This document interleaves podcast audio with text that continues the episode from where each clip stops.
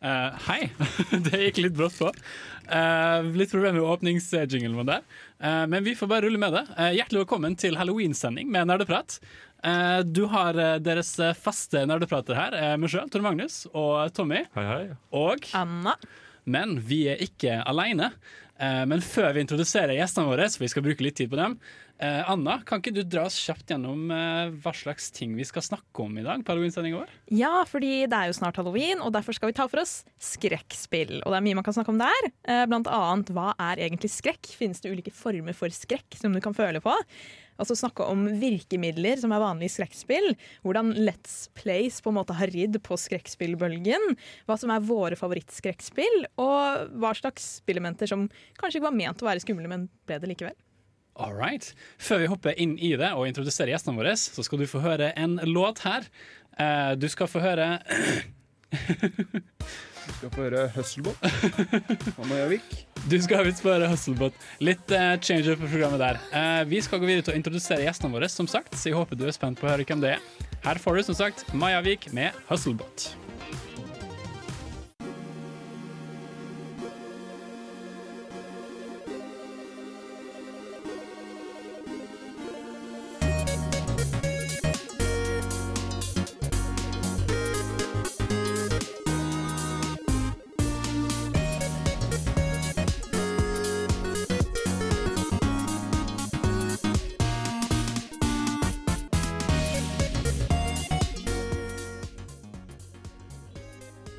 Fikk vi en liten åpningsmelodi allikevel. Hjertelig velkommen på ordentlig til Halloween-sendingen. Woo! Men vi nevnte at vi er ikke alene her i studio, stemmer ikke det, Anna og Tommy? Det gjorde vi. Det Vi, er vi ikke. vi, hør, vi har gjester. Eh, dere hørte kanskje en liten stemme her eh, rett før vi gikk over til låt.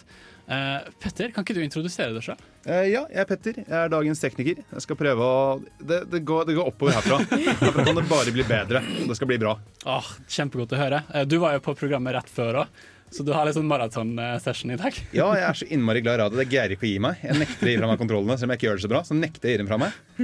Er du med på et fast program til vanlig? Eh, jeg pleier å være med på formannskap på onsdager, men det ble litt tenkt at ja, torsdag. Jeg kan gjøre det isteden. Og her er jeg i dag, egentlig.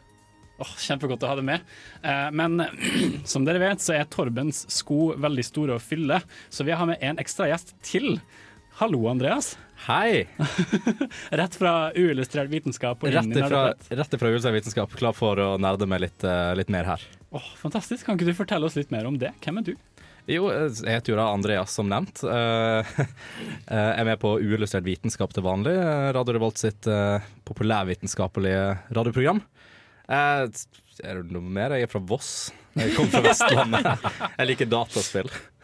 Det, ja, det er derfor du kommer hit. Ja, jeg tenker det. Det får litt sånn utløp for litt annen type nerding. da Litt mer i spillverden. Det, det er gøy. Nå har ikke jeg forberedt det, men har du noe fancy fakta du kan ta med deg fra uillustrert eh, vitenskap og inn hit? Å nei.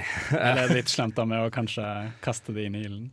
Ja, altså vet du, jeg tror, hvis jeg kommer tilbake med en fun fact, så kan jeg finne en som liksom merger programmene sammen. Det høres, eh, det høres veldig bra ut. Eh, Vi har jo også nyheter her på Nerdeprat. Eh, Så nå som vi har fått en kort introduksjon av eh, gjestene våre vi har i studio, så tenker jeg Anna og Tommy å trille videre med gjestene våre og inn i nyhetsverdenen. Så vi får eh, litt meninger fra, fra våre gjester også. Men før det skal du få høre Korea av ekte indianere. Nerdenytt. Velkommen tilbake. Der hørte du Korea av ekte indianere. Vi har nyheter. Hva, Tommy? What's, what's on the news? What's up, alle sammen? Altså, her har vi nyheter fra alle Nerdenytt eh, dere finner. Uh, I dagens Nerdenytt så skal vi snakke litt om uh, norske bibliotek som kjøper inn norske spill for 1,6 millioner kroner. Uh, og dette er jo veldig bra, fordi som dere vet så sliter jo allerede norske spill med å liksom komme seg ordentlig ut i liksom, markedet. Sier du at spill blir anerkjent som kultur, som, som ting som skal være på biblioteket?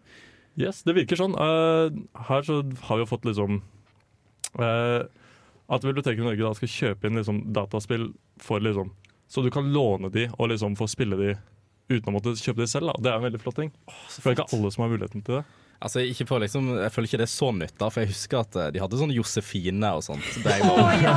eh, og det var på biblioteket, det lånte jeg. Det var kjempegøy. Ja. Så det er kanskje ikke helt ny idé, da, men eh, Det var vel en litt variasjon i hva slags type dataspill det var. Det var både til konsoller og mobiler og Ja, Eh, eh, det er litt eh, til diverse forskjellige ting. Nå er det jo bare spill som du kan spille på konsoller, som blir utlånt, eh, som du kan ta med deg hjem. da. Ja. Men uh, spill til f.eks. PC og sånne ting, da må du faktisk låne en PC eller sånne ting da, for å kunne spille de. Uh, Kan du låne en PC på biblioteket også? Var det det du det, det, det, det, det er visst noe som er lå- låne en PC. Du kan, du kan kapre en PC, tenker jeg. Ja, fordi Med PC-spill så må du gjerne ha disse kodene, sånn engangskoder for å måtte installere spillet. Og så kan du kanskje bare gjøre det én gang, eller Ja, det er vel noe jeg sånn. vet ikke. Ja, det er vel på stasjonære PC-er som er på biblioteket, vil jeg uh, si. Det Ja. var det jo på de Josefine-spillene du nevnte, Andreas. og jeg savner, jeg, for jeg, Nå fikk jeg litt sånn flashback. Jeg savner faktisk Josefine skikkelig mye. Det var kjempegøy. å, barndom. Ja, det er for at eh, Sånn som eh, der hvor jeg er fra, Drammen, uh, så har du jo på biblioteket der Så har du uh, eh, Du kan låne blant annet, eller du kan kapre en PC eller du kan kapre en PlayStation, og da kan du spille spill der. da Uh, Så det har jo vært en ting ganske lenge. Men nå kan du faktisk, Og du kunne ta med deg spill ut også, men det at det er norske spill som blir kjøpt inn, det er jo det som er litt kult. Ja. Fordi det har blitt kjøpt inn spill fra alle slags trippel A-kompanier lenge. Ja, for det er vel ikke snakk om Det er snakk om indiespill, litt mindre spill som kanskje ikke har det så lett norsk også? Det er Ja. ikke Eh, Du har jo spill som f.eks. Mitt barn Lebensborn og Mm. eh, Pode, eh, Kingdom of Chess, eh, The, For, The Frost Tune. Litt sånne spill. Uh, du har også Fest hos Albert Aaberg, som uh, du kan låne. uh, så dette er jo eh, Det er, litt, det er veldig stort liksom, spekter av norske spill, da. Men eh, ja. Det er er det er jo utrolig flott for norske indiespill, eh, vil jeg si. Ja. Altså Miles Child Libensborn nå, det, det er jo Er ikke det et mobilspill? For det, jo, det snakka vi jo så vidt om. Jeg vet at jeg har vært borti det sjøl, i hvert fall. Det er et uh, spill laget av Sarepta Studios. Om de har samarbeidet litt med noen andre, det er jeg usikker på. Uh, men de tror det var et uh, mobilspill, eh, som er kjempekult. Men jeg skulle ikke ta fra det ordet, Tommy. Nei, det går helt fint. Eh, så det er jo veldig fint at det, også at det da Sist gang det her ble gjort, så var det i 2012. Mm. Så det begynner å bli en liten stund siden, og var greit å oppdatere spillhylla litt, syns jeg. Mm. Så det er bra. Eh, videre så tenker jeg vi skal gå over til uh, Rockstar Gaming uh, Ja. sin uh, 100 timers eh, crunching hours, som de snakker om. Som har blitt snakket om veldig lenge. Ja, for hva er det som skjer med Rockstar, Tommy? Vi har hørt mye om de før.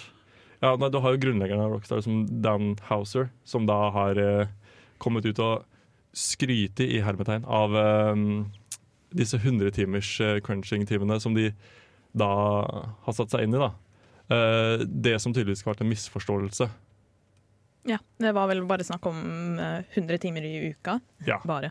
Eh, som folk hadde reagert på, var det ikke det? Ja, eh, og da var det det at han virket litt stolt av dette, da. Eh, men så var det litt som Han hadde egentlig ment at det var han og hans lederstab som da hadde liksom gjort dette, da.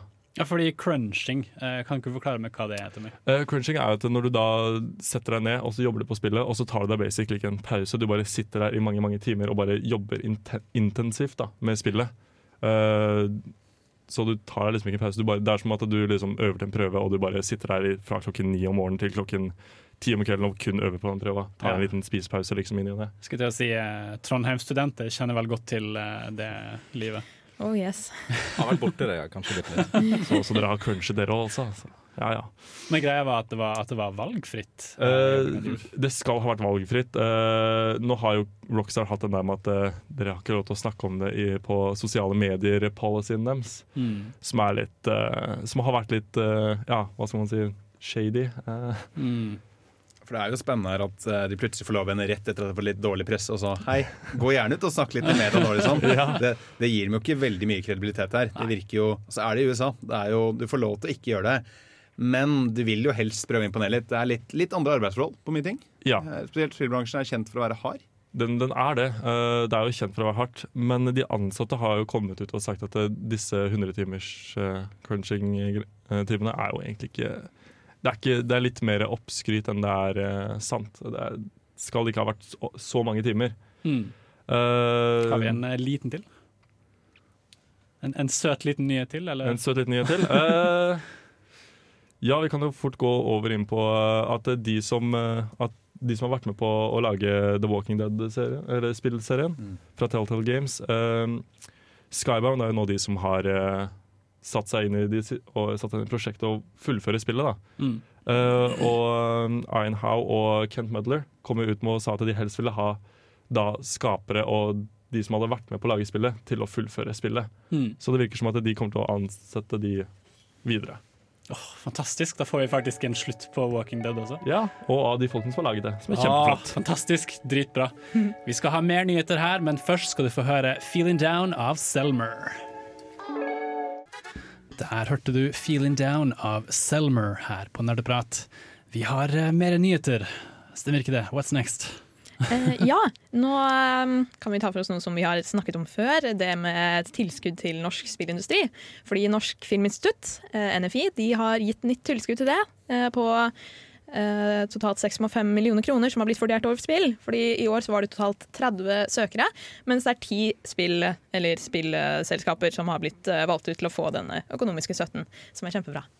Og eh, blant de så er det f.eks. Mørkredd av Hypergames. Eh, Det er de som får mest. De får en sum på 1,4 millioner kroner. Det er jo kjempebra. Jeg hadde faktisk hørt om Mørkeredd. Nei, jeg hadde ikke det heller, men eh, det var noe som ble skapt under forrige NM i Gameplay. Faktisk. Ah. Og eh, det ser ut til å bli en sånn slags flerspillerspill med fokus på å løse gåter i samarbeid, da, tydeligvis. Ja, eh, jeg var innom og besøkte de i fjor, eh, Hypergames altså. Og ja, det er da flerspillere hvor du er Du spiller som to eh, personer. Som, det ser ut som to silhuetter, da. Eh, som da går rundt og løser puzzles sammen. Så kult. Eh, det ser kjempekoselig ut. Eh, absolutt. Eh, er det litt sånn samme konsept som eh, en Steam-spiller som heter We Were Here? Eh, som er litt sånn du, du har to personer som løser oppgaver sammen. på en måte på forskjellige plan, men det den ene personen gjør, påvirker den andre. Er det litt sånn den type spill, eller? Uh, åh, det husker jeg faktisk ikke helt, dessverre. Men uh, jeg har bare sett kjapt på det, uh, og det virker Det kan være at det er det, men jeg tør ikke å uttale meg så mye om det sånn sett. Nei, nei. Det, Men, men vi gleder oss. Ja. Ja. Det er noen andre spill også som får støtte. Draugen fra Red Fred Studios for eksempel. De får 850 000 kroner.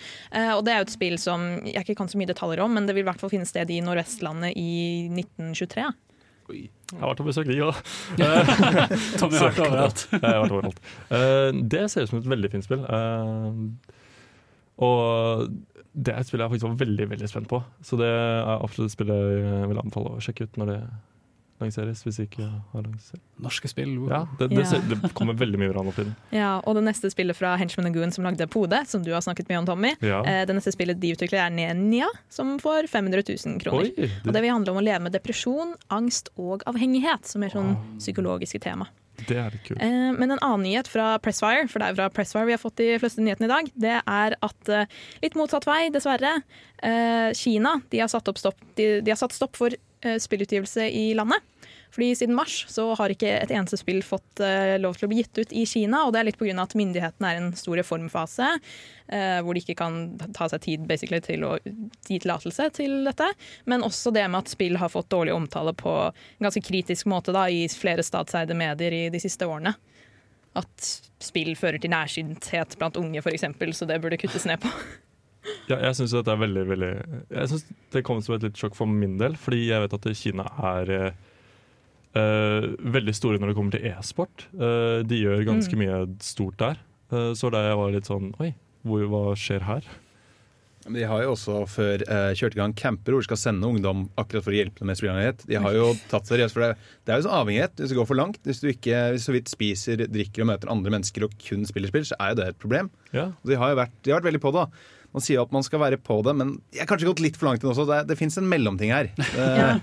Og eh, Vi hadde åpnet for i august en såkalt grønn kanal, eh, hvor de skulle tillate noen spill for utgivelse, men den er nå helt fjerna og stengt. Eh, som vil si at Spillutviklere i Kina har ikke noen måte på å publisere spill på. Og det er veldig synd, fordi Kina utgjør verdens største spillmarked, og det antas at det årlig er verdt 320 milliarder kroner.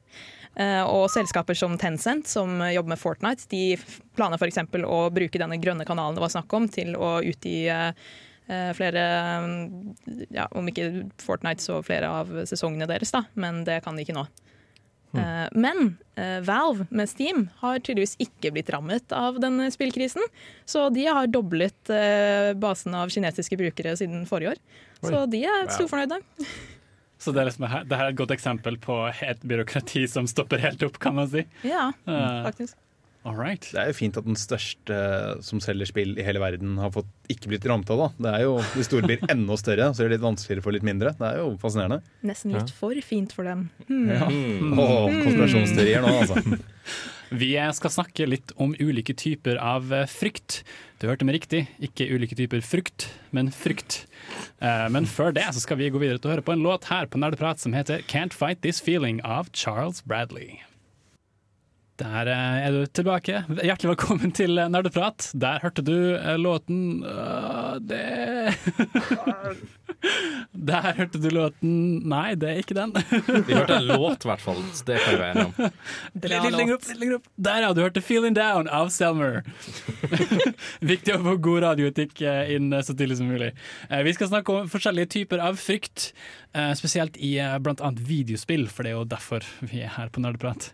Um, og eh, frykt er jo noe vi alle er ganske kjent med i skrekkspill. Jeg antar alle her har spilt eller sett skrekkspill eh, fra før, kan, kan vi si det? Ja. Ja, absolutt. Ja, absolutt. Kjempeflott. Eh, jeg har lyst til å snakke litt om de forskjellige typene frykt her som er nevnt av eh, en som heter Orson Scott Card. En som da forfatta Enders Game, Ja. som dere kanskje har hørt om. Eh, for han skriver nemlig litt om bl.a. blant annet dread, terror og horror. eh, og hvordan det brukes. Eh, nå er det jo mange flere virkemidler vi skal gå inn på senere i sendinga. Eh, men ting som eh, er ganske kjent her, da, er jo da eh, det første som Orson snakker om her, nemlig dread. Som da er en av de sterkeste eh, virkemidlene, sier han da. Hva blir det på norsk? Blir det sånn. Angst? Eller Det, det er vel ikke Gru? noe godt ord for det. egentlig. Nok en gang er vi litt språkfattige. Det er vel bare den skikkelig, skikkelig dårlige følelsen som bare henger over deg. Ja, det er en slags sånn eh, skummel eh, form for spenning som på en måte har en litt sånn eh, Du aner at et eller annet fryktelig eh, er i luften, Men du vet ikke hva. eh, men du vet ikke hva. Men dette, sier Orson Scott Card, at er den sterkeste av de tre typer eh, frykt som han da snakker om her. Eh, at du, du vet at det er et eller annet som skjer, men du vet ikke enda hva det er. Eh, det er en frykt som først kommer når du kanskje innser at, eh, som han sier her, da The fear that comes when you when you first realize that your spouse should have been home an hour ago. When you hear a strange sound in the baby's bedroom.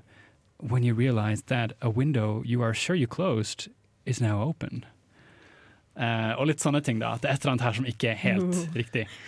Eh, og dette er jo flere ting vi kan si vi har sett i skrekkspill før, eh, er det ikke det? Altså, det høres ut som alle pek og klikk-eventyr noensinne. Det er noe jeg ikke har spilt så mye av. Har du spilt en del av det, Andreas?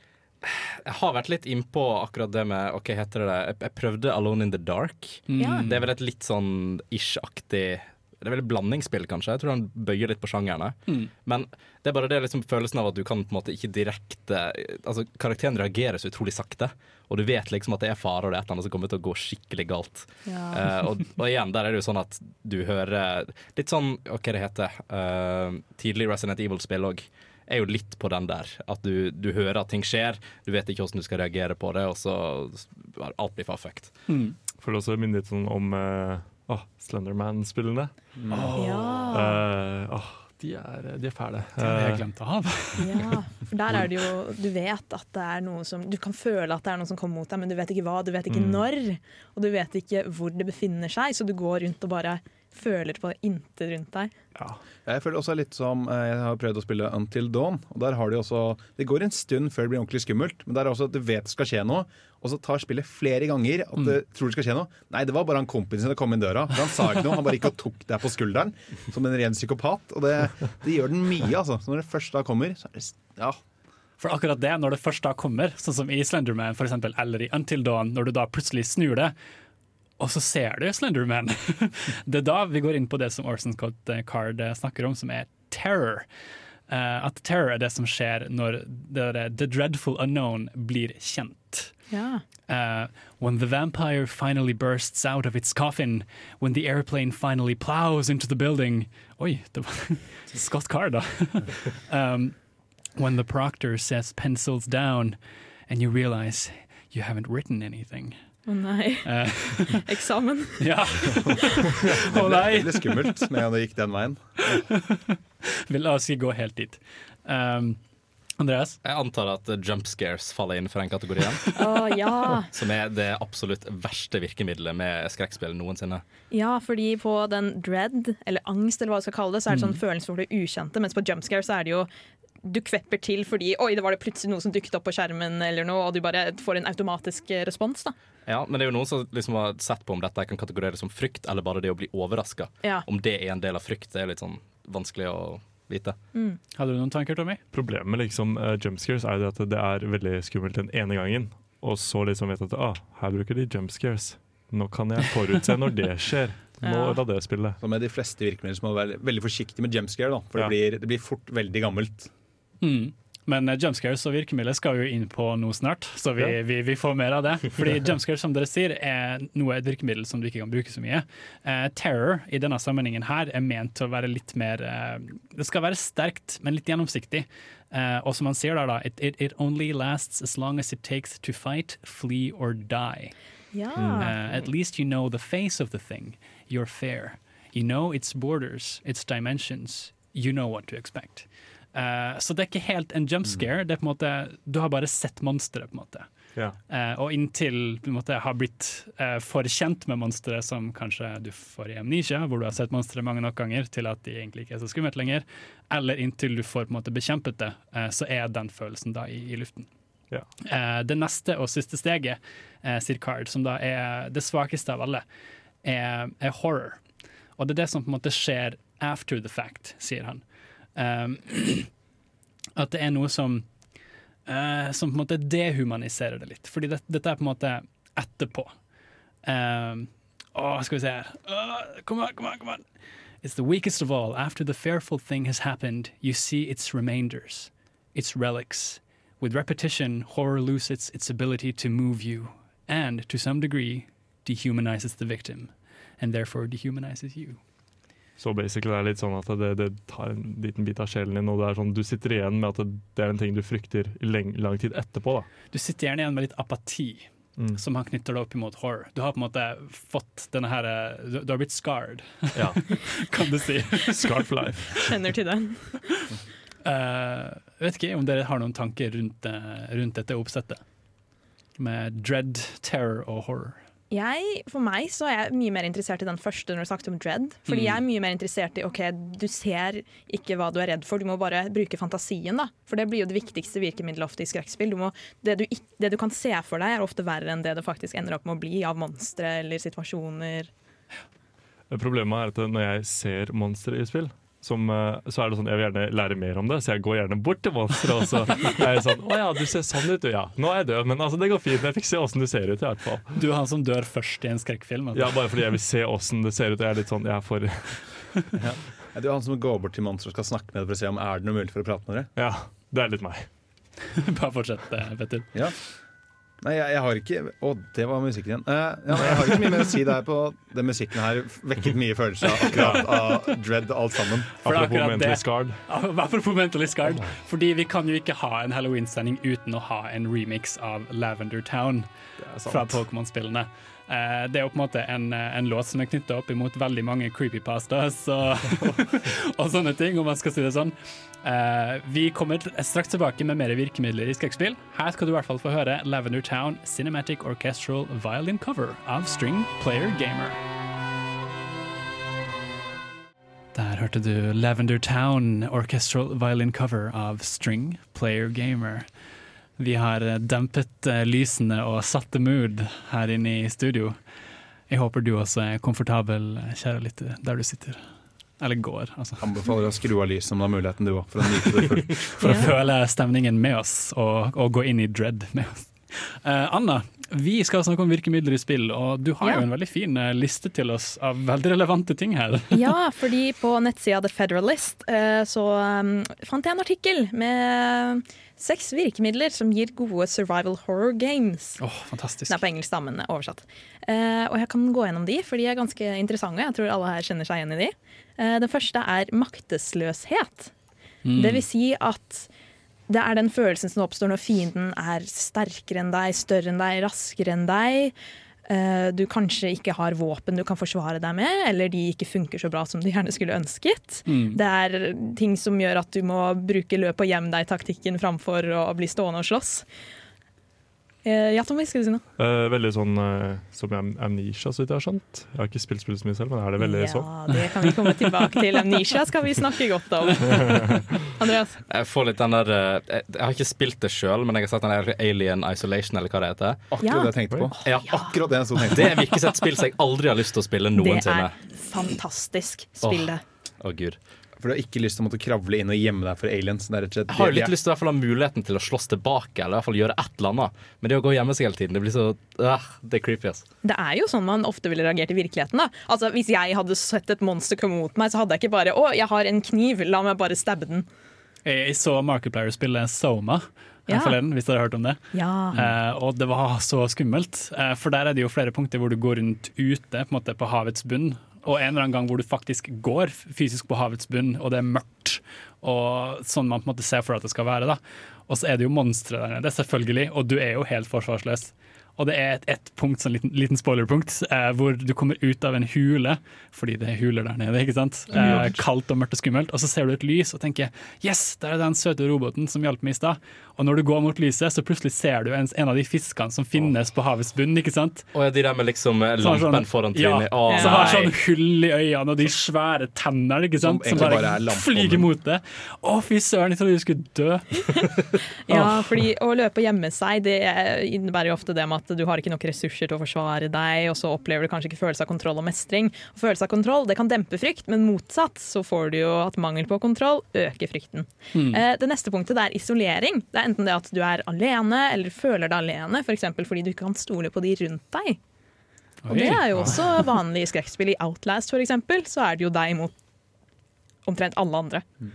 Det var litt, eh, kanskje ikke direkte skrekkspill, men jeg husker jo The Forest hadde også det i starten, før de la på co-open der også. Så gikk du jo alene på en øy med kannibaler, og det var veldig en installasjon der. Var, var, gjorde det verre Ja, å spille. jeg har spilt det, jeg òg. Jeg vil si meg igjen i det. Ja, altså Da har du jo igjen uh, dette med Slenderman-spillet, som er eh, Ja. Du er helt alene, og det er bare hvor du ser denne skikkelsen på langt unna, du bare «Ah, OK, ja, ok, så jeg er ikke alene, men det ser ikke hyggelig ut, liksom. Ja, eh, og det går litt til neste punkt, som er spenning. Fordi det med spenningen som du sitter og føler på, den bør jo vedvare i spill, i skrekkspill. Eh, Det å være usikker på om du kan takle utfordringene, det er jo det på at når du er alene, så er du jo mer usikker som regel enn når du kan jobbe sammen med andre. Og så eh, er jo det et viktig verktøy å få deg til å føle deg isolert, og at spenningen vedvarer, så du ikke blir for overmodig eller slutter å bry deg om skrekkaspektet. da, og slutter å leve deg inn. Eh, Et annet punkt det er usikkerhet. Det vil si at du ikke vet hva som skjuler seg ute i verden rundt deg. F.eks. at det tar veldig lang tid at du møter på monstre, eller at fiender kan våkne til live igjen som du tror du har slått. Så litt tilbake på Dread, da, egentlig. Ja. Ja. Mm. Du nevnte jo så kort her, Anna, i stad at 'knowledge is power'. Uh, men at, uh, så, så det betyr på en måte at uh, 'no knowledge is weakness'. Ja. Og det, det, det går jo litt inn i dette med usikkerhet, gjør det ikke det? At det er for mørkt til at du kan se noe, eller noe sånt, var det ikke det? Ja. At uh, du bruker virkemidler som lyd og lys også på å gjøre deg usikker på omgivelsene dine. At du hører en lyd bare 'Var det monsteret?' Nei, det var bare noe knirkende gulv. 'Var det monsteret?' Nei, det var bare vinden. Hva faen? Ja, for da har du jo fra et spill hvor du da er blind, og du da skal liksom føre deg Åh, Jeg husker ikke hva spillet heter. Nå fikk jeg skikkelig jernteppe. Eh, Men du viste oss et Eh. spill hvor du var blind og skulle gå rundt i et hus, og Ja. du basically, basically du hovedsakelig gikk gjennom eh, og på en måte brukte ekkolokasjon på en måte Ja. ved å slå ved å slå stokken i gulvet, så fikk du liksom noen derre eh, bølgelyd, hvor du da kunne se rommet. da. Eh, men det morsomme var at en kompis av meg som hater skrekkspill, eh, absolutt hater det, eh, ble, måtte spille det her. Og han skvatt av den derre dunkelyden i seg selv. Oh, ja. Så når du liksom er på det stadiet, så føler jeg at eh, Ja. Eh, De to siste punktene her, eh, det er vedvarende frykt. Og da går vi litt på det psykologiske aspektet. Det vil si at det, liksom, det er ikke bare nok at du er monster du skal møte på, for det blir jo forutsigbart etter hvert. Det er det med at for eksempel, det er noen aspekter ved karakteren selv som gjør at du ikke kan forutse hva som kommer til å skje. At du får en dypere mening, da.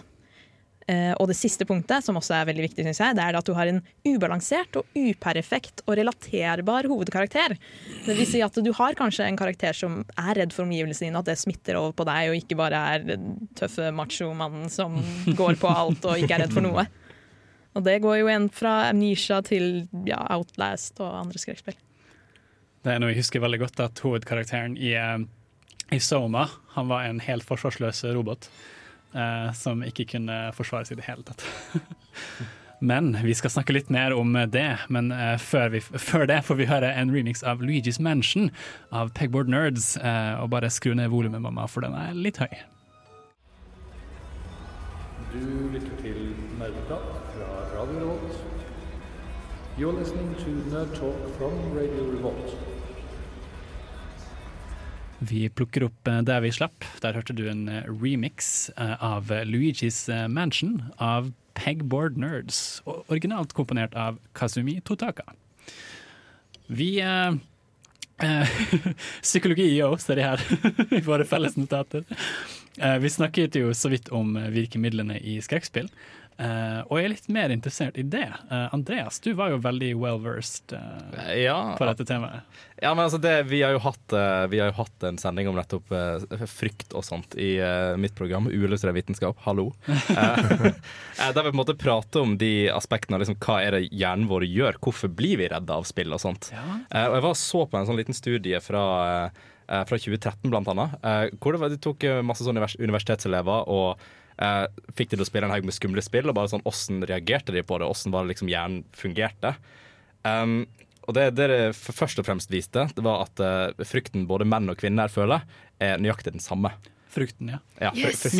frukten er den samme. Kjønnslikhet. Ja, man blir like redd, eh, selv om eh, menn har en tendens til å skryte på seg at de spiller skumlere spill. I Ja, ja, hermetegn. ja, så klart. Eh, og det er selvfølgelig viktig. Og menn er også veldig flinke til å benekte at de blir redd. Vi, vi må jo være macho og sterke Ja, ja. foran eh, kvinnene, vet du. Ja, Testo er besto og alt det der. Eh, Men det som er veldig interessant, det er at eh, eh, belønningssenteret i hjernen og sånt, eh, det blir trigga av å overkomme skrekkspill, som er grunnen til at folk liker å spille det. Eh, folk har liksom lyst til å sette på seg den utfordringen, og liksom bragging rights Ja, ja, ja. trigger så jævlig. Eh, og veldig mange nevnte liksom at de skumle spillene de spilte, var spill hvor du hadde en um, oh, hvor det er på en måte den, den følelsen av at det er noe der hele tiden, altså dread eh, for det meste. Men veldig mange nevnte òg veldig mange spill som hadde med stress eh, i skumle omgivelser å gjøre. Det er et eksempel av det, eksempel Call of Duty Zombies uh, ble nevnt. Ja, Stress i form av tidsbegrensninger, eller at noe skjer, at det er mye, mye som skjer samtidig. da Eller at du blir overveldet. Ja, nesten overveldende litt sant. Og der føler jo jeg det var mange som nevnte Call of Duty Zombies. Og der har du den der at du kan jo egentlig spille med andre i hvert fall, så kan du ikke pause. Det er Ja. noe som skjer hele tiden. Det er aldri noe safe zone. Er det på en måte sånn, Unnskyld at jeg avbryter det. Nei, Er det et sånt scenario hvor du kanskje eh, har et monster løpende etter det, og du må finne kanskje en utvei eller et eller annet sånt på farten? på en måte Ja, eksempelvis. Eh, og da har du jo ting som f.eks. Jeg vet du kom inn på det senere, men Amnesia. Eh, Hvor du må liksom løpe rundt, og du må gjemme deg, og du ser at monsteret går forbi og sånt. Eh, det er bare følelsen av at det er noe der hele tiden. Du får aldri en pause. Ja, og det er jo litt som uh, The Curling har jo også uh, curl, Jeg greier ikke å uttale det, men der har du også det hvor du spiller uh, og løper rundt, og det er noen som jakter på deg, og du må gjemme deg og ringe. Det er jo litt samme der. Der har du også samarbeidsaspektet. Du må finne visse ting for å komme deg ut og komme deg unna. Så Tommy sitter og Jeg skal eh, nok en gang bringe opp Slenderman-spillet, altså. Men når du liksom løper gjennom skogen i mørket med lommelykten din, og eh, du kan bare bruke den så og så mye for så og så mye batteri, og du skal finne disse lappene, så fort du plukker opp den første lappen, eller noten, så, bare, så må du bare spurte gjennom skogen for å finne de andre, liksom. Ja, for greia med de lappene er jo at For hver lapp du plukker opp, så Ja. vil Slenderman bli mer og mer aggressiv i måten han dukker opp på. og Ja. sånn. Eh, Spørsmålet er, Nå er ikke jeg eh, kjent, jeg har ikke spilt Slenderman, men er det sånn at er du helt trygg før du tar opp den første lappen? Uh, ja. Eller, du kan ikke tape før du plukker den første lappen? Men du vet jo ikke det når du spiller det første gang. da Det Nei, ja, det er Nei, det er jo litt av problemet. Men jeg tror lommelykten din kan uansett gå tom for batteri etter et visst punkt. ja. Eh, For hvis du, hvis du på en måte bruker for lang tid i spillet, selv om Slenderman ikke har tatt det, så kan lommelykta di faktisk gå tom for batteri, og da er det jo på en måte screwed. Mm. Ja, Da kommer vi tilbake på det med mm, ressurser. da. At I skrekkspill er det ofte du har veldig begrensa med ressurser, som gjør at du blir enda mer stressa, for du må spare på å prøve å tenke litt taktisk om hvordan du bruker batterier eller olje til lamper eller andre ting. Det er i hvert fall meg veldig stressa. Ja. Eh, Jeg tenker på, på, litt på slutten av denne studien som, som ble spilt, da, eller som ble, som ble gjort. Mm. hvert fall folk nevnte det med, det med Dead Space. Uh, og det er jo et spill som har blitt forska på generelt i etterkant, for de var en av de første som eh, brakte inn disse skikkelige stresselementene. F.eks. Det, det som heter real time interface. uh, hvor du bare kan ta opp menyen og liksom endre våpen og sånt mens verden beveger seg rundt deg. Oh, nei. det, blir ikke, det blir ikke satt på pause. Det er dårlig gjort. Det er rett og slett dårlig gjort. Det suger, faktisk. Eh, og så brakte de òg inn et veldig kult element som, som jeg liker veldig godt. Eh, sånn, I enkelte deler av spillet sånn, som kan vare opp mot en halvtime time, eller noe sånt, så er du aldri direkte i fare, men spillet gir illusjonen av det på samme måte som det hadde vært i fare. Og det gir den usikkerheten. Og da blir du redd, da. Ja, det, det blir en del av atmosfæren som bygges. Ja, rett og slett. Ja. Mm. Så det verste jeg vet, er jo liksom når du da Altså, det aller verste med skrekkspill er jo når du liksom uh, går rundt og du føler deg trygg, og så ser du liksom bare sånn foran deg i en korridor eller noe sånt langt unna, så ser du bare monsteret går forbi og snur hodet sitt mot deg. Det bare Ah, shit. Og det skjer faktisk i SCP Containment Breach, som vi skal snakke litt mer om eh, senere. eh, hvor det er et monster. Eh, jeg vet ikke om dere alle har spilt SCP her? Eller vet Jeg hva har det er? se- har googlet det opp på YouTube. You will know soon. Eh, men det er også et sånt monster som kan gå på en måte ut av en vegg og inn i neste veggen. da. Ulempen er at hvis du går for nærme, så kan monsteret faktisk snu og gå mot det. Oh, oh. Så du kan liksom ikke gå for nærme heller. Hadde du mer om den psykologien, Andreas? Andres? Eller var det, Eh, det var alt om den studien, men eh, sånn generelt liksom de tingene som blir trigga i hjernen, er fryktelig interessant å snakke om. Fryktelig. Åh, nei. Oi, oi, oi. Jeg jeg rett inn. Altså. Jeg vil jo si at jeg har i hvert fall fått det meste av eh, frykt eh, hva jeg skal si, fra de som starta det hele. Eh, jeg vet ikke hvor dere, hva dere så på før, men Markiplier og PewDiePie er jo folk jeg tenker på som på en måte startet det hele. da. Ja, med Let's Plays på YouTube. Nettopp. Ja, det har jeg sett en del av opp gjennom årene. Det var en liten sånn divisjon rundt hvem som så på Markiplier og hvem som så på PewDiePie. Eller Jacksepticeye. ja, sant? Jeg har faktisk ikke sett så mye på han. Det burde du gjøre. Han er flink. Har dere andre noe kjennskap til Markiplier eller PewDiePie eller andre Let's Playere som har spilt skrekkspill? Nei, det er jo de, det er de to store, da. I hvert fall de to. Mm. Tre også. Men nei, det er jo det, de, de var jo nesten en sensasjon i YouTube generelt. At du kan se forskjellen på når de begynte, det hele Let's Play, hvordan hele YouTube forandret etter hvert, og se at dette var noe folk ville ha. Det å se på webkamera at noen er virkelig redde og spiller spill. Jeg har bare litt kjennskap til eh, noen andre, som uh, blant annet Toby Turner, tror jeg. Som jeg Ja, så på ja. for lenge, lenge siden. Tobaskus. Tobaskus, eller Ja, hva han, han ja. heter nå, eller Han forsvant fra YouTube. Ja. Ja. Eh, Og så er det jo uh, Syndicate, uh, Tom Syndicate, som eh, så på en del før. Han også var vel innom en del sånn skrekkspill i ny og ne, ja, ja, riktig. Men jeg husker. Jeg husker ikke når det begynte, Let's Play som et fenomen, men det var jo mye rundt skrekkspill. da, Fordi folk var så opptatt av at de ville se de der skrikende, overdrevne reaksjonene til folk eh, og ta en del av den opplevelsen. Det var jo Ja, sorry. Det, Altså, eh, det har blitt forska på dette her òg. og det er jo eh, litt av den, husker ikke jeg den, eh, den studien sånn i hodet, men det går veldig mye på den at vi når vi slipper å oppleve reaksjonen sjøl, så på en måte får vi belønningen uten å måtte, uten å måtte gå gjennom frykten eller smerten sjøl.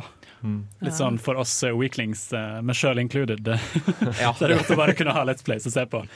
Eh, vi skal høre en eh, liten eh, lydsak fra Tommy om eh, PT. Hva det er, finner du ut her snart på Nerdeprat, men før det skal du få World Class Cinema. Radida til bardaga. Ja! Ra ra radida. Ja! Vil til bardaga. Nerdeprat på Radio Revolt! Ja! Spillet PT ble annonsert på Gamescon i 2014.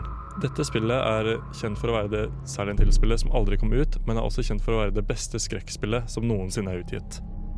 PT er en playable teaser der du spiller i, eh, som en person som går gjennom en gang, eh, og det er i én loop hele tiden. Du har kun ett rom som du beveger deg i. Du starter i et lite rom eh, for å så bevege deg gjennom en dør som fører deg til denne gangen helt til starten av spillet. Fra og med da så må du da gå hjem, løse eh, forskjellige gåter for å da komme deg gjennom den eh, døren på enden av gangen, som da skal føre deg ut av huset. Gåtene var ekstremt vanskelige å løse. Folk forventet ikke at det skulle løses så fort som det ble gjort. Etter bare to dager hadde personer løst alle gåtene i hele spillet. Og gåtene var jo så vanskelige at, som at eh, du måtte bevege deg ti skritt fram og ti skritt tilbake Eller du måtte si en eller annen persons navn. Plystre her, eh, vente til klokken slo tolv, etc., etc. Eh, vente en telefon ringte. Og det er dette som gjør spillet så bra, fordi hver gang du gjorde en feil, så startet loopen på nytt. Og, og hver gang du gjorde en feil, så kom det alltid nye skrekkinnfyllende hendelser som da ville ja, skremme deg ganske mye. Selv Kojima selv, som eh, det viste seg at hadde vært med på å lage spillet eh, når sluttscenen ble utgitt. Jeg hadde ikke trodd at spillet skulle løses så fort, og at, spillet, at folk skulle løse alle gåtene så fort. Eh, spillet viste seg da å være laget av Kojima i samarbeid med Gilmero del Toro og Norman Reedus. Spillet viste seg at det var et Silent Hill-spill, som dessverre da aldri ble utgitt, fordi eh, når dette skjedde, så hadde Kojima et dårlig forhold til eh, Konami, som da gjorde at spillet ble kansellert. Selv om spillet ble kansellert, så er det nå kjent som et av de beste skrekkspillene som noensinne ble utgitt, og kommer mest sannsynlig til å være et stort skrekkspill i mange år frem i tid. Det som gjorde spillet så bra, var bare hvor bra uh, spillet brukte skrekk og frykt i uh, spillet. Hvordan du aldri ble angrepet eller døde, men du, uh, det var bare alle hendelsene og alt det som skjedde, og atmosfæren i spillet som gjorde at du eh, hadde den frykten gjennom hele spillet. da. Og mange slet med å komme seg gjennom spillet fordi det var så skummelt, og bare klarte ikke å spille seg gjennom det. Det var også mye pga. at gåtene var ekstremt vanskelige. Så alt i alt så var Silent Hill, eller PT, kjent som det beste skrekkspillet, ja, var et utrolig bra skrekkspill. Selv om det da dessverre aldri ble utgitt.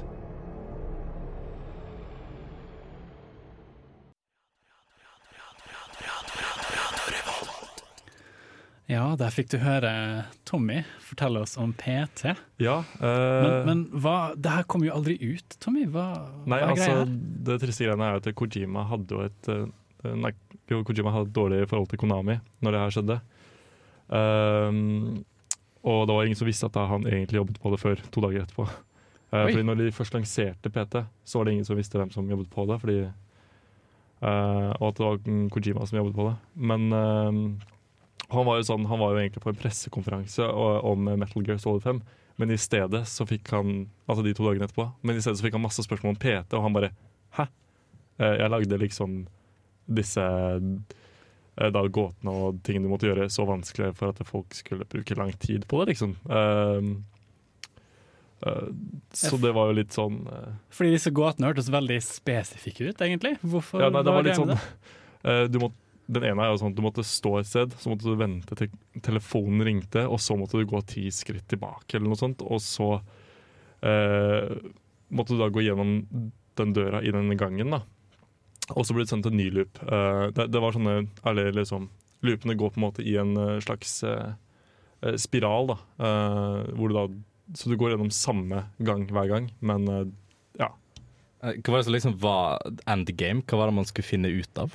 Liksom? Uh, oh, det, noe, det handler veldig mye om eh, hun, denne damen Lisa, som da har blitt myrdet i huset sitt, tror man, av sin uh, ektemann. Uh, for du hører jo på nyheten der. Det er sånn liten radio i huset, hvor du da hører at uh, om eh, disse mordene med, Det har vært noen mord om en, to menn eller noe som har myrdet hele familien sin, og sånne ting. Og så går da denne damen Lisa igjen, da. Men litt av poenget med PT var jo at det skulle være en sånn skikkelig sånn atmosfæresetter for Ja. Silent Hills, som dessverre endte opp med å aldri komme ut. Så det var liksom, det var en handling inni der, og det var jo detaljer Ja. man kunne grave frem, og noe eh, error screens, eller hva heter det på norsk, feilskjermer som dukket opp med tekst på alt fra kinesisk til eh, radiostemme på svensk, som drev og fortalte ting, små detaljer. Ja. Eh, Men poenget var jo, hvis du da klarte å løse gåtene, så kom du til en eh, endscreen hvor du fikk sett eh, navnet til eh, Guillermo del Toro og, Norman Reedus, og så så du så vidt Norman Reedus på slutten som, Ja. som snudde seg mot kamera. da. Så så du oi, han kommer til å være hovedpersonen. Det er Silent Hills! What?! Eh, og det var helt sykt, for folk var jo sånn Det var jo så skremmende at folk liksom eh, Læreren min som hadde spilt det, fortalte meg det her når han hadde spilt det, at han spilte med en kompis, og så var det sånn De byttet jo på å liksom spille det, og til slutt så var det sånn Sånn, OK, nå kan du spille. Ingen av de Eh, ville være Ingen av de ville spille, liksom. Ingen av de ville spille på et tidspunkt. Og så var det sånn, til slutt så var det sånn Nei, du kan spille. Nei, nei, du kan spille. Nei, du kan spille. Og sånn, til slutt så var det ingen som ville spille der, men man la det fra seg. En, en ting jeg syns er så fascinerende med PT, er at det var jo det samme banen igjen og igjen og igjen. For det gikk jo den samme evige loopen. da. Klokka endret jo aldri fra 23.59. Men måten de brukte lys på, og brukte de ulike f.eks. dørene som ledet inn i den gangen du gikk i, det var jo så kreativt. da. De gjorde det Ja. til en helt ny opplevelse hver gang. Og liksom, du finner så mange forskjellige ting der, liksom. Uh, Fordi den trappa som du nevnte, uh, Eh, ja. som du nevnte jeg, jeg har hørt om den før. Uh, det er jo en sånn trapp som jeg i hvert fall vet jeg har lest om på barneskolen, og sånn, som på en måte går evig rundt i en firkant. Ja. Som på en måte, du, du går opp, men du kommer på en måte ingen vei. på en måte, Det bare går Mm. i den loopen du nevnte. Ja. Jeg vet det heter noe. Det er ikke noe dere husker fra uillustrerte, Andreas? Eh, Hvis du i det hele tatt vet hva jeg snakker om? jeg, jeg forstår hva du snakker om. Jeg er litt, jeg er litt usikker. Jeg kan komme tilbake kjent, til det. det er den kjente illusjonen at du går oppover og alltid fortsetter å gå oppover. Ja. Jeg vet ikke Ja. hva navnet er, men jeg, tror, det jeg har hørt om det, tror jeg. Mm. Men her er det ikke, det er ikke en trapp du går i hele tiden, men Nei. det er jo alltid en trapp som leder ned til en dør, og så åpner døren, og så er du plutselig på starten av gangen der du var sist. Ja. Og så skjer det igjen og igjen. Uh, Så utrolig kult. det er også men mange, mange slet med disse oppgavene, var det ikke slik, eh, Tommy? Jo, det var jo sånn at oppgavene her og som sagt, det var jo sykt vanskelig. Du måtte si et spesifikt navn i eh, mikrofonen på på liksom eh, på Hadde du mikrofon med? Det var noe sånt, Du måtte plugge inn en mikrofon og så måtte du si navnet til en person. Jeg husker ikke hva det var, om det var Josh eller et eller annet. Så du måtte gjøre du som spiller måtte faktisk koble inn en mikrofon? Var det det du mente? Ja, jeg tror det. Å, wow. Og så måtte du uh, si det. Det er, det er litt sånn hvordan, hvordan skal folk tenke ut det selv, liksom? Hvordan gjetter du det? Veldig, veldig typisk Kojima, med andre Ja. ord. Bare sånne helt crazy detaljer som eh, ikke noen andre tenker på. Ja, for ble ikke, Var ikke det noe sånn trend som ble starta med Metal Gear Solid sånn Ja, tidlig, hvor du måtte plugge i eh, kontroll inn i den andre porten, eller noe sånt, Ja. for at et eller annet siste bossen kunne lese minner inn, eller et eller Ja, sånt. først så tok den vel og leste opp hva du hadde på minnekortet ditt, for å flinke ja, og så fikk beskjed om at nå tar jeg for kontrollen, og så gjorde den jo det. Så vi måtte ta ut kontrollen og putte den inn i den andre kontrollslotten. Det er jo crazy, og dette var jo på Var det på sent 90-tallet? Eller tidlig 2000? Vi snakker vel PlayStation 2, da. Så snakker vi tidlig 2000, Ja, det er ikke? Godt. 2001, 2002. Det kan stemme, det. Men det, det er jo likevel fantastisk tidlig at det begynner med sånt. da Ja. Og en, en positiv ting kan man si med at eh, Silent Hills ble kansellert, er at nå fikk jo Kojima mye mer tid til å jobbe på, på um, eh, Death Stranding. ja, Som også ser ut til å være et helt wack uh, spill. Ja. Som kommer ut, hvem vet, om to år? Om fem år? Få se. Men herregud, så innovativt det skulle jeg si. I hvert fall den ideen med, med å på en måte bytte socket. Fy søren. Vi skal, vi skal få litt Silent eh, Hill-musikk her før vi går eh, videre til eh, å høre min sak om SCP Containment Breach. Um, men før det skal du som sagt få høre Akira Yamaoka sin Silent Hill her på Nerdeprat. Helt aleine. Dette skrekkspillet ble kalt for SCP Containment Breach, og er basert på de mange paranormale historiene som finnes på nettsiden SCP Foundation. I likhet med Creepypasta, som du kanskje har hørt om, som er en nettside som samler på skumle historier meint til å skremme leserne sine, så fungerer SCP Foundation i noenlunde samme gate. Forskjellen er derimot at SCP Foundation pryder seg på å gjøre fortellingene sine mye mer rotfesta til akademiske tilnærminger, som har som hensikt å gjøre at fortellingene og de paranormale fenomenene som omtales, skal høres enda mer virkelige ut. Selve spillet er gratis og open source. Dette vil si at hvem som helst kan laste ned spillet og tilføye mer innhold. Flere YouTube-aktører vender faktisk stadig tilbake til spillet for å gjøre Let's Plays av det hver gang det oppdateres. Oh, oh, oh, oh, oh, oh, get dicked. Oh, get straight up dicked. Oh, get off that dick. Oh, you got dicked. Siden spillet ble lansert, har det i dag utvikla seg til en skikkelig innholdsrik skrekkspillopplevelse med mange ulike monstre. Men det var ikke slik da det begynte.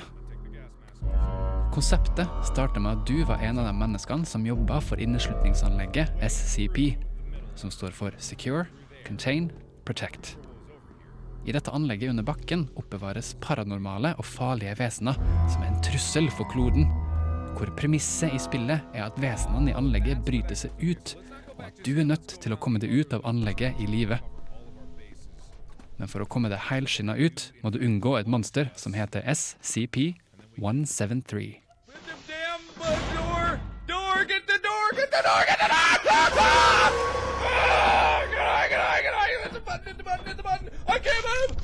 SCP-173 er på størrelse med et menneske laga av sement, med to bein og to armer. Den kan ikke bevege seg når du ser på den, men forflytter seg lynraskt når du blunker i spillet. Denne blunkemekanikken er noe du må taktisk være obs på rundt monsteret SCP-173. Fordi hvis du er uforsiktig, så vil SCP-173 angripe deg ved å brekke nakken din og avslutte spillet. Denne blunkemekanikken er det som er kjernen til SCP Containment Breach. Det er takket være det store engasjementet til forfatterne på nettsida som stadig beriker spilluniverset, og innsatsen til spillutvikleren Regalis, at spillet bare har blitt bedre og bedre med tida. Det var også dette spillet som oppmuntra spillutvikleren til å satse på en karriere innen spilldesign, og dermed stifte spillselskapet sitt Undertow Games. Oh! Yeah! I made it through room!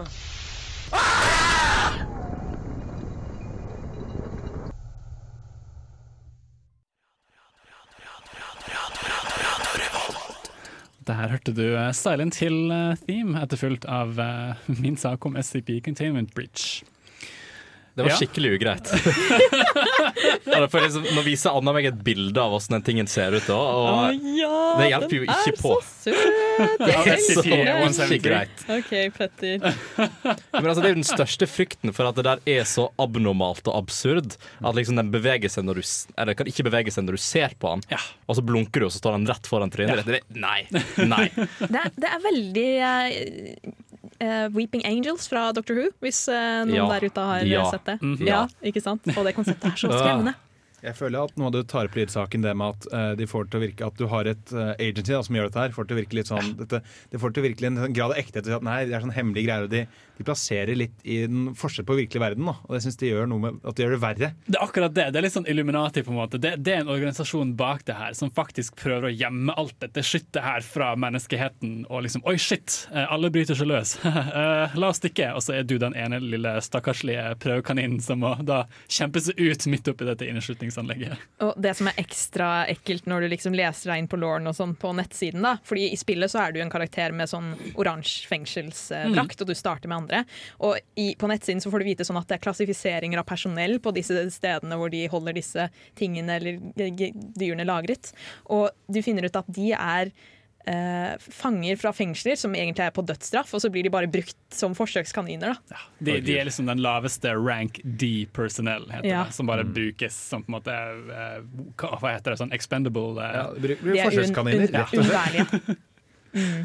Eh, det som er så utrolig kult, eh, er at det grunner seg veldig i måte, det, skal se så virkelig ut som mulig. Fordi creepypasta, som vi nevnte, er jo på en måte veldig sånn out there. på en måte, Ikke nødvendigvis så virkelige, men bare ment å være skumle. Mens det her er faktisk noe som kunne vært virkelig. For mye av det er at det er skrevet litt som rapporter. Mye av det som er laget om det, er det som gjør at du, du får det litt formelle språket med sånn klassisk betegnelse. At du har er dette, er, dette serienummeret som gjør liksom Det høres ut som en litt kjip byråkrat har funnet på det.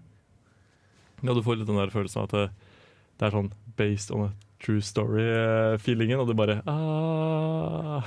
sånn, Det vil si at det her kan skje med deg, liksom. Du får den følelsen. Jeg, jeg går ikke med på at det finnes en ting laga av sement som har lyst til å ta meg ned i blunket. Det kan jeg bare ikke akseptere.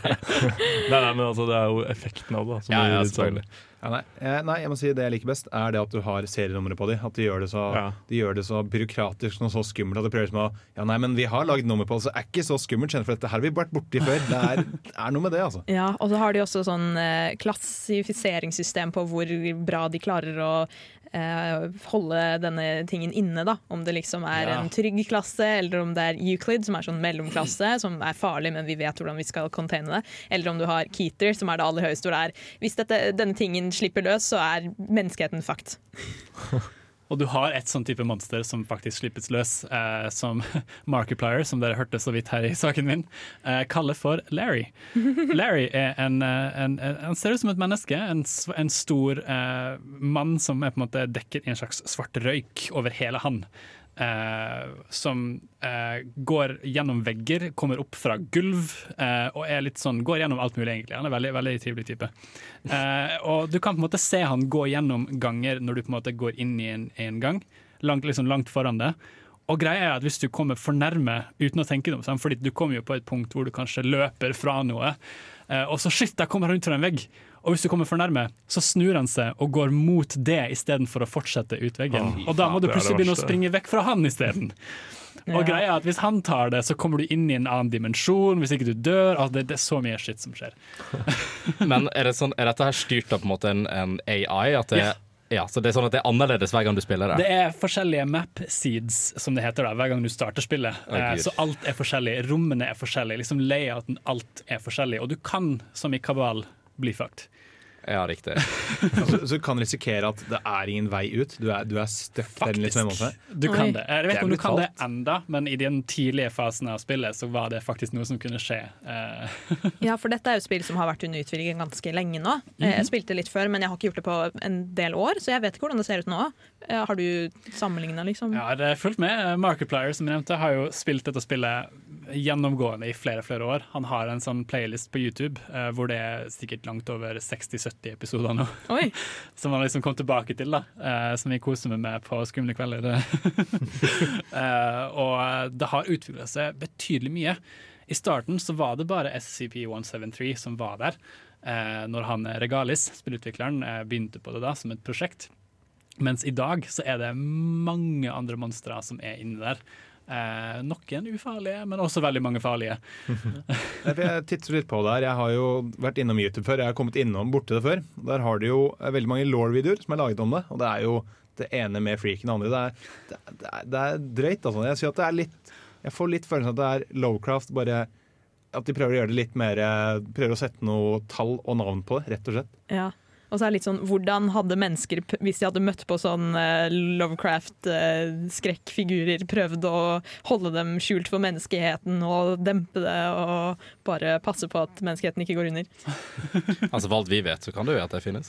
Jeg syns konsept, altså, jeg, jeg konseptet med å holde de fanget er, er bra, men det å holde det skjult er jeg alltid litt skeptisk til. Sånn tanken at Hvis du da slipper ut, så er bare alle totalt uforberedt. Da. Det er litt sånn, det er som å si at nå har vi gjemt unna aliens, så når de invaderer, så er ingen forberedt. Det er jo, det er jo spesielt. Jeg syns det, men det er ja. Jeg, jeg syns det adder litt til det ekstra skrekkelementet, fordi hvis du leser opp på historier og sånn på nettsiden, så står det jo sånn om at hvis det bare er et, noen få øyevitner, så kan det hende de bare forsvinner på mystisk vis i en ulykke eller noe sånt. For det er bedre det enn at folk får vite om at dette er noe som eksisterer. Alle disse rapportene som vi nevnte så kort her, eh, har jo også informasjon tatt bort fra de, hvor det bare står i sånne brackets eh, 'redacted'.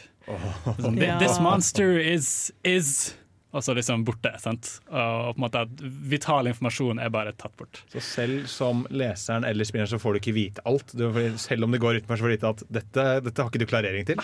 Nettopp. Eh, nettopp fordi spillet er så rotfesta i forskjellige typer klarering. Da. Alt kommer til å gå bra, bare gjør. Ja. Ikke, ikke til spørsmål her. Vi, eh, vi har flere lydsaker eh, dere skal få høre. her. Eh, Neste, next up er Anna, som eh, snakker litt om Amnesia, The Dark Ja. Descent. Som vi gleder oss veldig til. Det er jo på en måte et av de store spillene innen skrekkspill. Eh, før det skal vi eh, høre en ikke-skrekklåt av Les Big Bird som heter I Fucked Up, I Was A Child.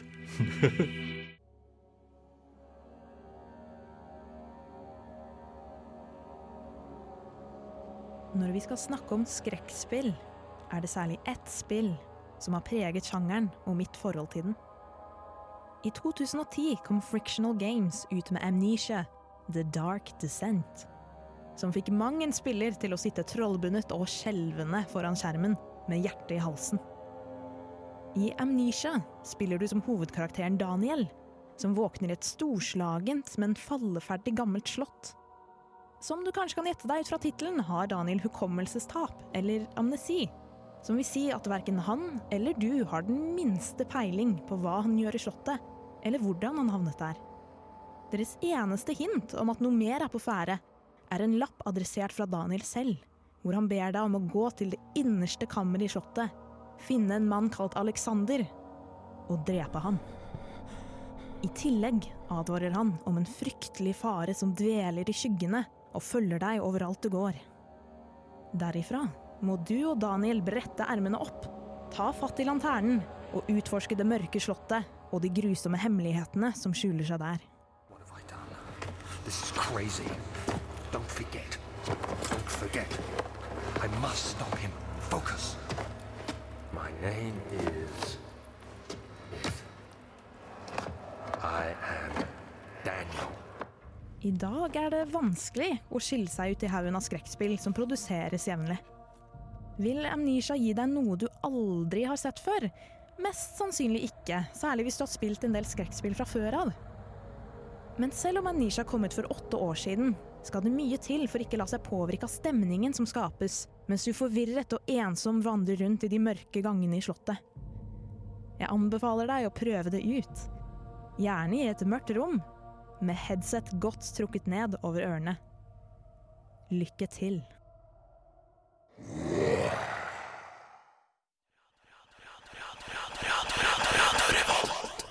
Der eh, fikk du Anna sin eh, sak om amnesia. Yeah. Og det her bringer jo opp eh, veldig mørke og dystre minner fra da Markiplier, som vi så på, begynte sin karriere med amnesia. Den kicka i gang ganske mange Let's Plays og reaksjonsvideoer. Jeg må si at jeg har prøvd det du anbefalte på slutten der. Ja. Eh, hos, en, hos en kompis en gang så valgte vi da at nå skal vi være litt sånn crazy. Eh, det var ikke original Amnesia, men det var den der eh, nummer to eller sånn som heter A Machine, Machine for Ja, for Pigs. Machine Ja. for Pigs. Ja. Eh, og den prøvde jeg bare sånn OK, nå skrur vi av lyset, du setter på andre delen av rommet, og jeg prøver dette her, da. Og så skulle vi være kule Let's Playere, så vi filma selvfølgelig reaksjonen, da. Eh, Tingen, Machine for Pigs i hvert fall. Jeg vet ikke hvordan den er i forhold til originalen, for jeg har ikke spilt originalen. Men Machine of Pigs var ikke så ille. Den er ikke så ille. Machine of Pigs var vel også lagd av forskjellige folk, Ja. uh, slik jeg skjønner det. Uh, Ja. Machine for Pigs var en, en disgrace, uh, sammenlignet oh, med sin original. Eh, Frictional Games de vet hva de gjør. Eh, Ok. de, de lagde også Soma, Ja. som jeg nevnte tidligere. Eh, og fytti grisen, altså de Grisen, no på Nintended, Machine for Pigs. men men, men de, de visste hva de gjorde når de laget Amnesia The Dark Descent. Ja, jeg syns ikke de to kan sammenlignes. Det får en helt annen stemning. Det er en annen verden også. Eh, mens i Amnesia, så fra og med fra starten av, liksom, før du kommer inn på tittelskjermen, så får du jo opp at dette spillet bør spilles med hodetelefoner på. Du bør spille det i et mørkt rom. Ikke fokusere på å prøve å kjappe deg gjennom spillet, fokusere på å liksom, ta til deg atmosfæren som skapes. Så de gir jo deg tips om hvordan du skal nyte spillet best. For å legge det opp til å bare bli ordentlig skremt. Bare, bare ordentlig hør på lydene, bare hør på knirkingen. Bare, å, se der er monsteret! Lukk alle dører etter deg. ja, gud.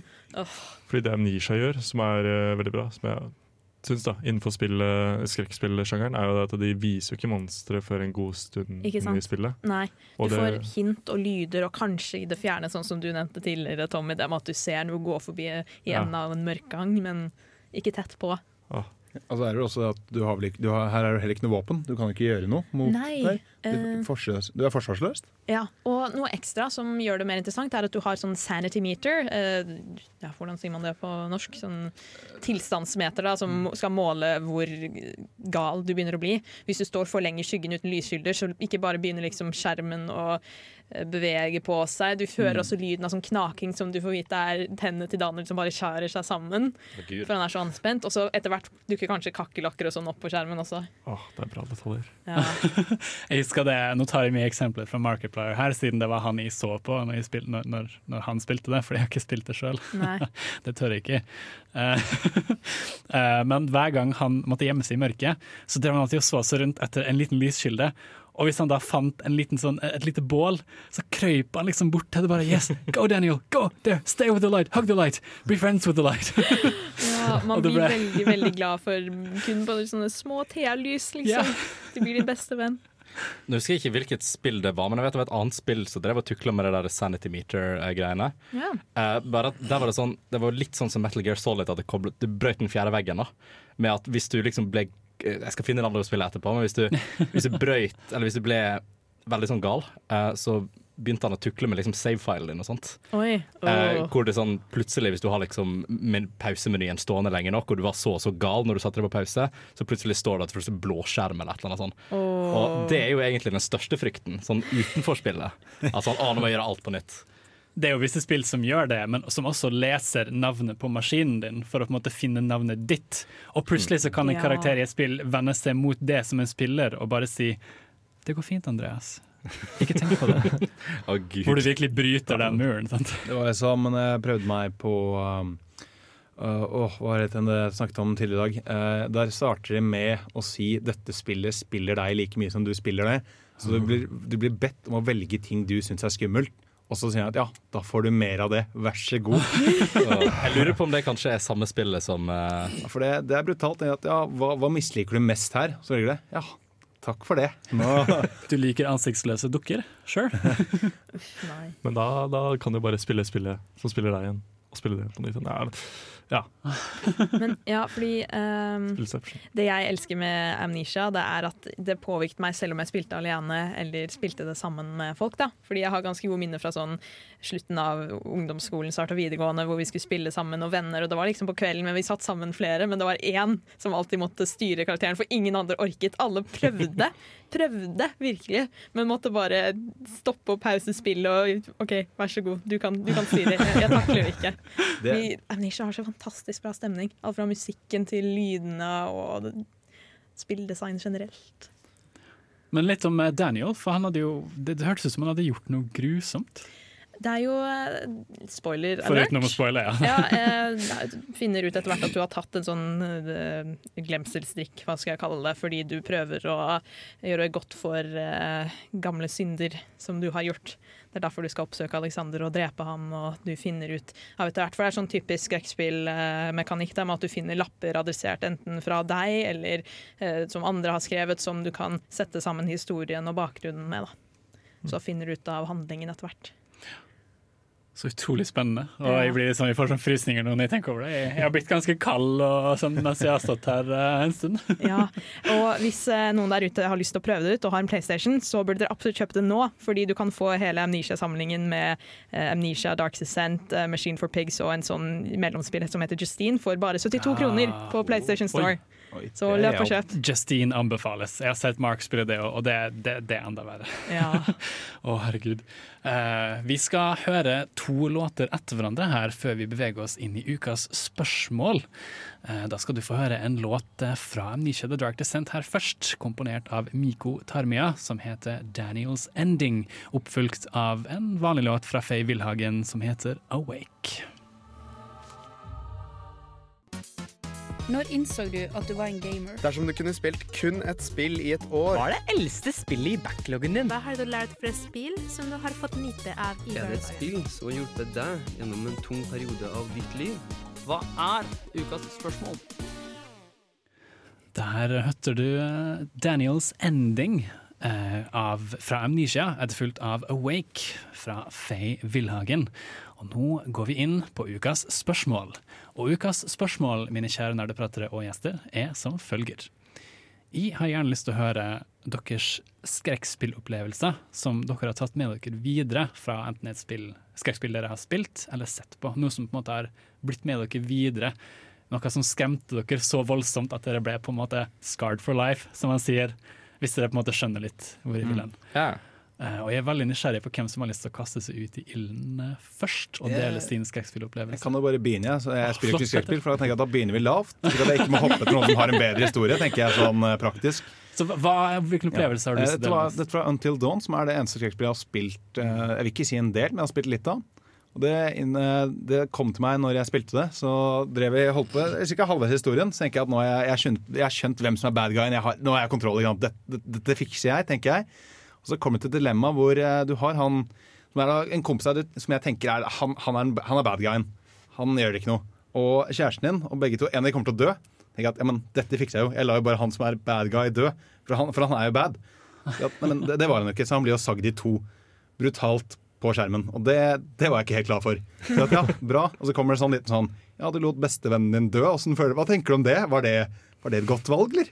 Liksom, liksom, den skjer meg i trynet på at ja, dette var et dårlig valg, og nå døde noen. Da ble det sånn Oi, men jeg trodde han var slem. Og så ble det sånn, ja, hva, kanskje han- var ikke slem? Og så ble det sånn Å nei. De spilte på litt sånn konsekvensetikk og fikk deg til å skamme deg over dine egne handlinger. Ja, den fikk sånn Nå forhåndsstemte han, og det, det skulle du ikke gjort. Ja, han, han hadde bare litt problemer, og han var skikkelig en OK type, og så bare ja. Nei, den, den tok meg hardt. Så det er en sånn lærdom du kan ta med videre i livet generelt. Ikke døm noen. Ja, Hvis noen er stroppet opp til en sag innsatt, da er de kanskje ikke bad guy i spillet. Det er jo kanskje logikk der. Enn eh, du, Anna? Jeg nevnte jo Amnesia tidligere som mitt spill, liksom. Mm. Eh, og det er jo noe jeg har sammenlignet skrekkspill med senere. Men det, som, det øyeblikket i spill som har festet seg mest hos meg, som liksom jeg husker veldig godt nå, det er slutten av Zoma, som også er lagd av Fictional Games. Du nevnte jo det tidligere.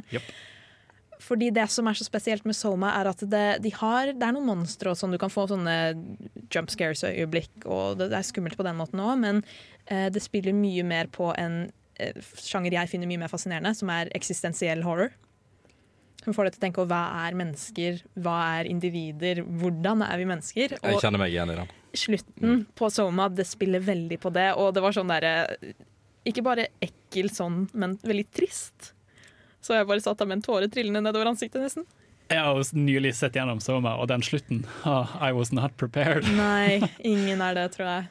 Så det vil jeg trekke fram som mitt hovedeksempel. da. En litt annen type form for skrekk. Da, Andreas, står du som nestemann på eh, listen. Ja, altså mye av det som påvirka meg altså, Det var jo sånn Når jeg var yngre, det var da de øyeblikkene var mest impactfulle, liksom. Mm. Og jeg husker at det jeg reagerte på når det kom til spill, var dårlig grafikk. Altså sånn, Dårlig grafikk som det på en måte var i skrekkspill, gjorde at tingene ble så unaturlige. Og du spiller på den der eh, liksom Dette her stemmer ikke. Det er ikke sånn et menneske ser ut. Det er ikke sånn et zombie ser ut. Det, det, eh, så jeg husker liksom at jeg hata liksom øyeblikket etter jeg hadde spilt House of the Dead. Uh, uansett det var på sånn Jeg mener jeg husker å spille det første gangen på en sånn arcade-maskin, for jeg vet ikke om dere kjenner til spillet. Nei. Er dette de som står på den lokale bowlinghallen? Eller som er det sånn type Ja, det kan være en litt sånn ting, men du har en pistol kobla til, og så skal du bare skyte sommer, så kommer det gjennom en bane. Uh, men grafikken er så sinnssykt dårlig at det bare satt med meg hele tiden, for at det her var så ubehagelig og ekkelt å se på. Uh, men jeg måtte, jo, jeg måtte jo vinne over det, sant? så jeg fortsatte jo å spille. Men det, det, var, det var ekkelt. Det var trauma. Å, så flott. Da har vi eh, Tommy her. Nå må, du, nå the bar is set high. Ja, uh, jeg, jeg har generelt ikke sånn kjempemye skrekkspill sånn at jeg blir skikkelig skremt, liksom. Men uh, jeg husker den ugne følelsen når jeg spilte Silent Hill 2, øh, hvor jeg da måtte Du gikk liksom rundt der, det var liksom tåke overalt, og du visste liksom aldri om det, liksom, det var et monster gjemt bak den tolken eller ikke. Du kunne vagt høre det hvis de var i nærheten, men du visste liksom ikke fra hvilken side. liksom. Det var det jeg følte. Jeg så litt sånn, eh, Hvis jeg går framover nå, møter jeg dette monsteret? Eh, samtidig som du da hadde sånn der meter som viste om det var et monster i nærheten eller ikke. Eh, eller ikke da. Eh, også når du da gikk inn i et hus, så var det sånn for hver dør du bare OK, er det et monster her inne? Og så sånn, åpner du det, så var det sånn OK, det var det ikke. Så går du litt lenger inn i rommet. Jo, det var det. Spillet som lærte Tommy å bli på vakt. Ja, eh, litt Det er derfor du skal høre på Amnesia. Alltid lukke dørene bak deg, og Ja. aldri ta noe for gitt deg. Uh, så det var litt det, da. Også det faktum at uh, Og så var det lyd Det var- en spesifikk lyd i uh, Silent Hill 2 som bare ikke plagde meg, men jeg la veldig veldig godt merke til. Det var sånn, når du skulle snu deg, så lagde det en sånn skikkelig sånn derre lyd, liksom. Sånn hver gang. Så det var, det var veldig sånn Det var litt rart. Å, så utrolig kult. Jeg, blir, jeg, blir, eh, jeg kjenner at jeg skal hjem i kveld og se på Let's Play horror-spill av mye forskjellig rart. eh. Jeg merker jeg er veldig glad jeg har kort vei hjem i dag. merker jeg egentlig Det er jeg tenker mest på. Det har tre minutter på opplyst vei er fint. Ja, det, det er mørkt ute allerede, folkens. Eh, Det blir mørkere og mørkere jo lenger ut i november og desember vi går. Rekker vi en, en kjapp honorable mention? Uh, Du må være kjapp. Ja, uh, Det ene monsteret fra Stalker, har dere spilt Stalker? Nei. Uh, Det er et monster, men med en gang du ser monsteret, så zoomer kameraet rett inn i trynet på han fra ingenting. Det er ubehagelig. Så utrolig, utrolig creepy, skummelt. Jeg veit ikke. Eh, Her skal du få høre 'Imposter' av Kadia Bonnet. Du har hørt på Nerdeprat på Radio Revolt her. Vi er straks tilbake. Der eh, fikk vi Kadia Bonnet med 'Imposter'. Vi eh, beveger oss eh, mot slutten her i Nerdeprat i halloween-sendinga vår. Eh, som Petter så kort nevnte, så er det jo, for å toppe det, ikke noe skumlere enn En lyden av Windows som oppdaterer syns jeg er den skumleste lyden å høre når jeg sitter og gjør noe på PC-en. Sorry. Men Andreas, Hei. er det noe spennende som skjer i Uillustrert eh, neste uke? Jeg har lyst til å gi litt sånn promotion. eh, Eh, ja, jeg vil heller si det, det spennende vi har hatt nå. Vi har hatt en eh, tre, tre episoder lang hva skal jeg si, eh, greie. Der vi har snakka om, Om eh, bærekraftig, eh, om bærekraftig fremtid. Hvor vi snakker f.eks. om kjernekraft, eh, mat i fremtiden og sånn, og hvordan skal vi ha det bærekraftig. Du kan høre uillustrert hver eneste uke fra klokken åtte til ni på tirsdager. Men finn oss òg gjerne på Spotify. Der er det Eller Radio Revolt-appen. Eller Radio Revolt-appen. Det er sant. RadioRevolt.no. Vi har en app, folkens. Du kan faktisk gå inn på app og høre oss der. Eh, så det er veldig kult å, å si at vi har det. Få litt nyheter og egentlig alt som skjer på Radio Revolt. Ja, Den heter vel bare Radio Revolt hvis du søker på den på Android eller uh, Apple Store. App Store. Kort og godt, ikke noe mer der. Kort og godt, ikke noe mer enn det. Veldig bra. Eh, med det så vil jeg takke for sendinga vi har hatt eh, i dag. Eh, takk til Petter og Andreas for at dere kunne stille opp og fylle Torbens store sko. Vi trengte to til det. Han, han er flink. Det var helt fantastisk å være her. Så med det skal vi resten av helga og gå og feste på halloweenfest hos Anna. ha det bra, folkens. Her får du. Devotion med Breakbart. Ha det bra. Du har lyttet til en podkast på Radio Revolt, studentradioen i Trondheim. Sjekk ut flere programmer på radiorevolt.no.